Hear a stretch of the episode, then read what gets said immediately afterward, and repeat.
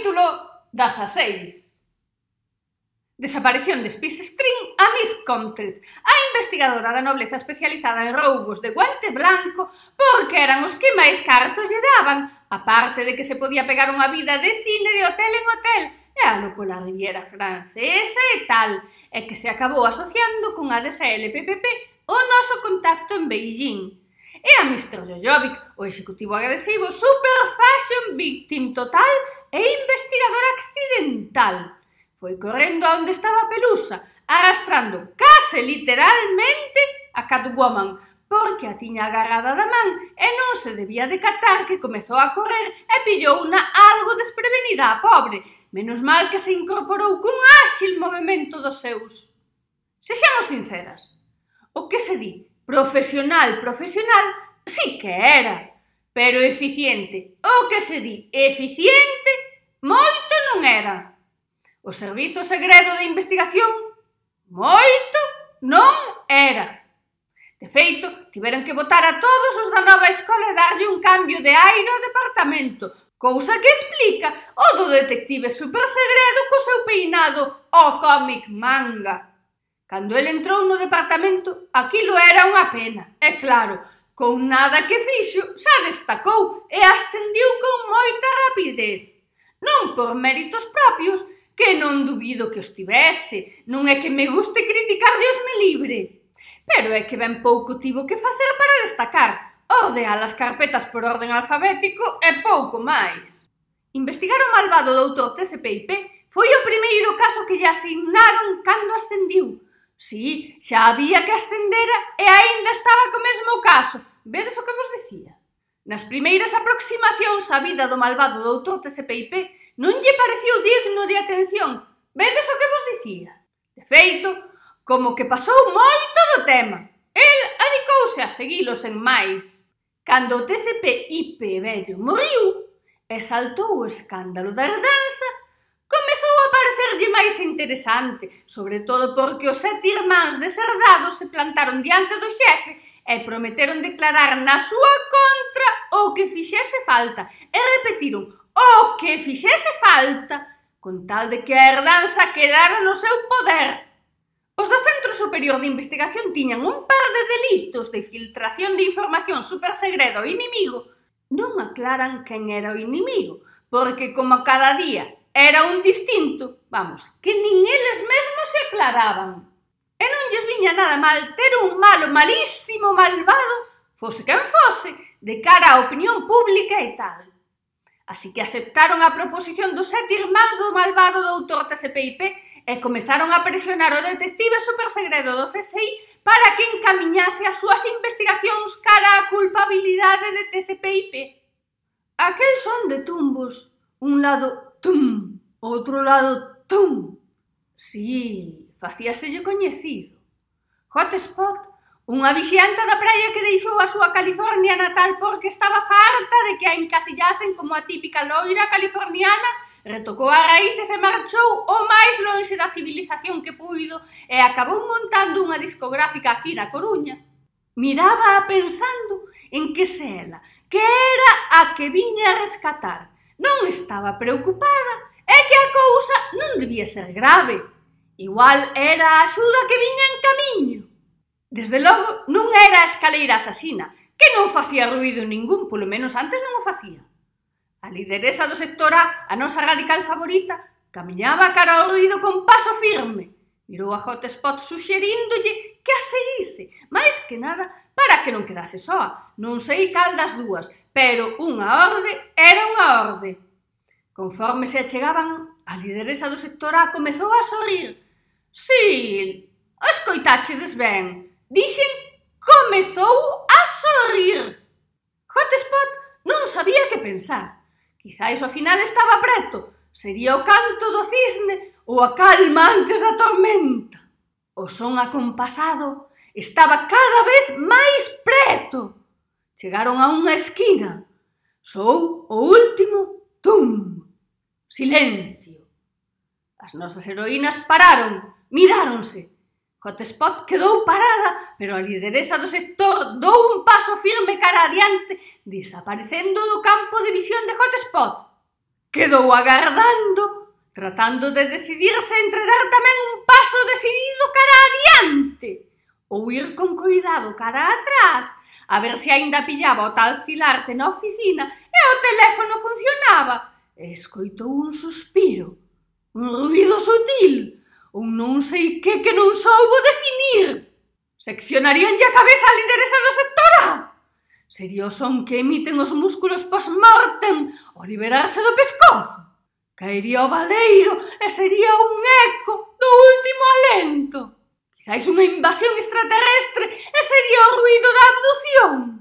Ou un espírito do máis aló e sería o ruido da absorción da alma. Quizáis era un berro de auxilio silenciado. Sí, tiña que decidirse, e firme, dou un paso adiante. E a viu! Hotspot non puido evitar emocionarse.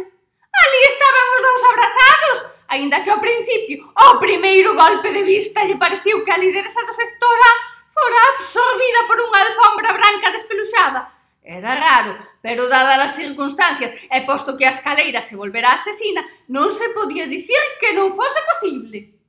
En por iso, extrañoulle que a lideresa do sector A, lonxe de resistirse a darlle unha malleira como correspondía ao seu carácter combativo, máis ben a estivese acariñando a alfombra blanca espeluxada. Diti que tiña pinta de ser suaviña e confortable, pero case, case, a estaba afogando. Ser sería unha morte agradable, se ata lle estaban dando ganas de achuchala, pero quedou mirando. E cando notou que do ombreiro dereito da nosa radical favorita se despegaba un anaco de alfombra, que casualmente tiña ollos, nariz, boca, orella. Vamos, o típico das alfombras e das costas da nosa radical favorita se desenlazaba outro anaco de alfombra dividíndose en dous anacos, que casualmente remataban en dúas mans. Decatouse de que aquilo da alfombra branca espeluxada asasina non era unha teoría correcta e tivo que agardar a que a lideresa do sector A lle dese unha explicación. En realidade, Tivo que agardar a que se desabrazasen, se volvesen a abrazar, se bicasen, se achuchasen, se mirasen embobados, se acariñasen a cariña, se abrazasen si sí outra vez. Pelusa, outro que tal baila, mirou medio acojonado, perdón, con gran expectación e respecto ao investigador, que era tan bo que todos dicían que era la polla, pero que eu son demasiado fina para repetir semellante cousa, porque Rox lle contara que era unha especie de dictador que non deixaba que Celia tomase as súas infusións relaxantes en horas de traballo nin nada. E por riba, como ia enfadado, porque lle vira facer a gracia de pechar a porta mentras as outras estaban dentro, como que o puxo firme e case lle alisa a súa melena rizada. Catwoman tratou de tranquilizalo e case se pode dicir que foi inútil porque o enfado baixoulle, pero... xa me entendedes que tranquilizar. Exactamente non se tranquilizou. Pelusa, para arranxalo, dixo que coñecía a xefa de mantemento do aeroporto, unha tal Xaila, e xa estaba marcando o número. Ensinoulle o móvil ao investigador, que por un breve momento pensou en porqué dinámico, o dono de Bollicaos Line, que por facerse o investigador super profesional acabou pechado nun trailer de Zara, xa me diredes que tiña que ir investigar ali dentro, non chamara os do aeroporto para que o sacasen dali en lugar de cortarlle o rollo con Catwoman, pero foi só un pensamento fugaz. Orgué a vista, xa estaba Xaila con elas, dicíndolle que apartasen da porta, que tampouco era que precisase moito espazo para traballar, pero que polo menos tiña que ver a fechadura, que adiviña aínda non era. Por suposto, apartaron, faltaría máis. Nun par de manobras, como fixera Windows XP para liberar a dinámico, o investigador super segredo do CSI que presumía de super profesional e imparcial, quitando cando seducía unha espía loira ou rubia ou morena ou... xa me entendedes. Opúxose taxantemente a semellante proposición. Dixo que non e de ningunha maneira acusaría a ninguén sen probas, Claro que non descartou investigar exhaustivamente o malvado doutor de CPIP ata atopar probas de que vendera a súa patria, a súa nación, o seu país, os seus irmáns. Aquí debería soar algún himno, pero a min faime máis gracia a canción de Antes morta que sencilla, ai que sencilla, ai que sencilla. Mentres, o malvado doutor TCPIP andaba todo tranquilo, ou iría todo tranquilo nalgún dos coches de luxo que herdara dos seus pais, sen sequera sospeitar que o estaban estudando, que o perseguían. De calquera xeito, o que a él lle importaba era conseguir o cariño de Cor, a científica despistada. Ignorou por completo o feito de que os seus irmáns, os seus sete irmáns, se poideran enfadar por quedarse en un patacón de herdanza. É que Como el dicía, xa tiñan abondo. No Pazo Bran onde antano se celebraban as famosas recepcións con Ferrero Rocher e esas cousas que lle gustan aos embaixadores, agora quedaron falando un anaco con Sasser, a comercial super eficiente da empresa de aluguer de coches de luxo que ten Spistrin. Miss Comtret fixolle unhas preguntas rápidas para facerse cunha idea xeral das pautas de comportamento do desaparecido. O de sempre, xa sabedes se recibiu ameazas últimamente, que sistema de seguridade empregaba, notou en falta outro obxecto de valor, cantas amantes desencantadas lle coñecía. Mr. Jojovic, o executivo agresivo Super Fashion Victim Total, notou polo cuestionario unha certa deformación profesional e que isto de ser unha investigadora de roubos de guante branco de súpeto trasladada a unha realidade paralela no que o máis sofisticado era andar desaparecendo porque sí, pois tiña a nosa investigadora algo despistada. Pero como ela, a parte de divina, era unha profesional como a copa dun pino, reconduciu de seguido o interrogatorio ao la cara de Mr. Jojovic. Cando considerou que xa tomara notas do bondo para comezar, mandou a Sassel para a súa casa, oficina ou o que fose con tal de sacala de diante. Si, como vos lo conto? E díxolle tan ancha. Xa está, marcha! Mistrolle Jovic esta vez non lle puxo cara nin nada, como se fose o máis natural do mundo. Sassel, que polo seu traballo xa estaba feita calquera cousa, foi para o coche onde a esperaba convertible, que estaba elixindo que pendiente poñer, porque se esquecera aquela mañá ao sair da casa e sen pendiente era como como que se sentía espido. Era un pazo semi-abandoado. Non é que TCPIP, o malvado doutor TCPIP, quero dicir, se dese a mala vida e pasase de todo. É que él era moi así. Que traía a señora da limpeza pola calle da amargura con tanta perfección. E máis cando se metiu a científico que tiña unha teima co dos microbios e todas esas historias que non vexades. El comezou cunha probeta e un quentapotas, de quentapotas, non é isto ningún eufemismo nin nada. E foi ampliando o laboratorio, e ampliando. Total, que tiveron que trasladar a bodega ao pazo de inverno, porque collía cada enchenta mentre dicía que estaba perfeccionando os seus coñecementos científicos con isto de que o laboratorio se foi ampliando ata chegar á pila das botellas, que seguramente se chame dunha maneira máis fina, pero pese a que eu son moi fina, fina demais, non sei como se chama. É para ir facendo sitio, ías baleirando, claro. Cando a ama de Chaves, si, tamén tiña diso, viu que aquela tendencia apuntaba perigosamente cara ao alcoholismo decidiu trasladar definitivamente a bodega ao Pazo de Inverno. Tamén porque o sibarita este malvadísimo lle estaba acabando co gran reserva e non tiña ninguna triste botella por se xurdía unha ocasión. Saila tivose que apartar rapidamente porque Windows Quispe saiu disparada a pedir explicacións de a ver por que lle pecharan a porta que ela ben se decatou de que fora alguén premeditadamente, que si que aquilo non foi un golpe de aire, viña preparada para dar un golpe de melena mortal. Non fixo falta. O investigador anticipouse pedíndolle desculpas en nome de Pelusa, que estaba poñendo cara de boa a ver se pasaba por vez. Pero non lle pasou, que Windows era moi razonable, pero de tonta non tiña ningún pelo, e iso que tiña a Susodita Loira.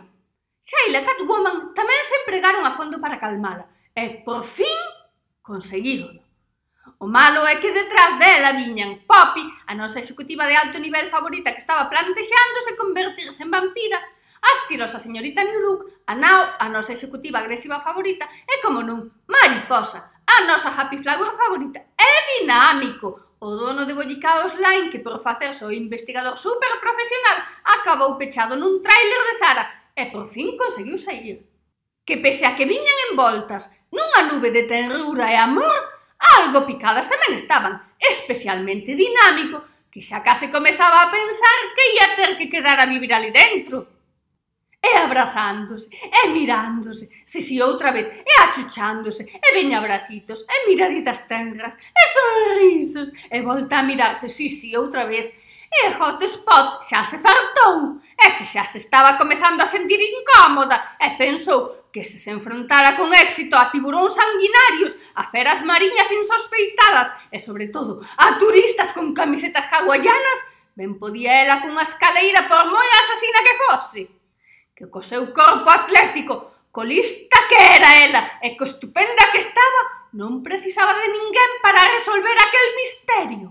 Bueno, por se tal, E só por se tal, chamou antivirus, que era unha amiga súa que coñecera nunha destas festas locas locas de Hollywood e que traballaba nunha empresa de protección personal.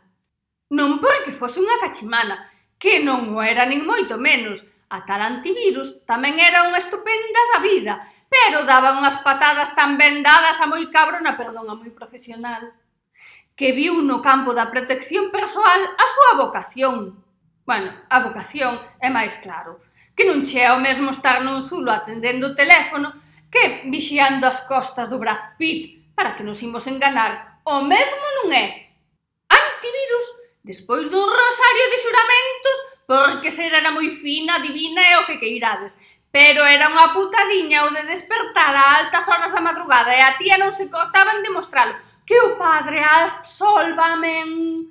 Díxolle que estaría na Coruña o antes posible, como non, pero que fose indo, que non había ser para tanto, porque entre que estaba dormida e que coñecía a Hotspot de andar de zaga acabando cas existencias de Falcon Crest, me dille tomou a broma da escaleira asasina. En realidade, cando colgou, dou media volta e seguiu dormindo. Unha vez fora, todas ao aire libre, xa tranquilas e felices baixo o maravilloso sol da Coruña, mirando atrás, sen rencor, iso sí. Pensaron en volver por fin para as súas casas, todas menos a Nao, que viñera das Vegas repentinamente. Enfrontábase agora o reto dunha nova vida, de comezar de novo. Que apaixoante reto! Windows Quispé sentiu que por fin pisaba a terra, a súa terra. Ai, esa morriña! Poppy e a estilosa señorita New Look non paraban de falar de capas negras, de cócteles sanguíneos, de voar e das súas cousas. A estilosa señorita New Look quedou en que o día seguinte ia levar a Poppy ao Clube Vampiro da Coruña para a súa presentación en sociedade, porque ela facía o todo con moito estilo. Tamén quedaron en pasar despois pola tenda de Venecia para elixir o atuendo axeitado para a ocasión, porque elas o valían. Mariposa e Dinámico Tras o primeiro momento de happy reencontro, xa comezaron as rencillas polo último campeonato de Flying Cups. O fin e ao cabo, Dinámico ganou no porque ela non se presentou obviamente, porque nunca ganaba cando ela competía. E se un día que non vai, el gana, a secuencia lóxica é clarísima.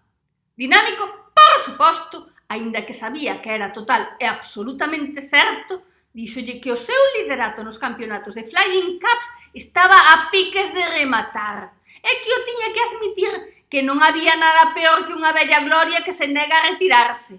Todas, e digo todas as que estaban ali, pero todas miráronse entre sí e o que se lía no aire porque se lía era o pensamento de volver metelas no tráiler. Non o fixeron porque a batería do móvil de dinámico debía ser incombustible e por riba a súa operadora privada, porque tiña unha operadora privada, tiña cobertura ata no inferno, non é que eu comprobase.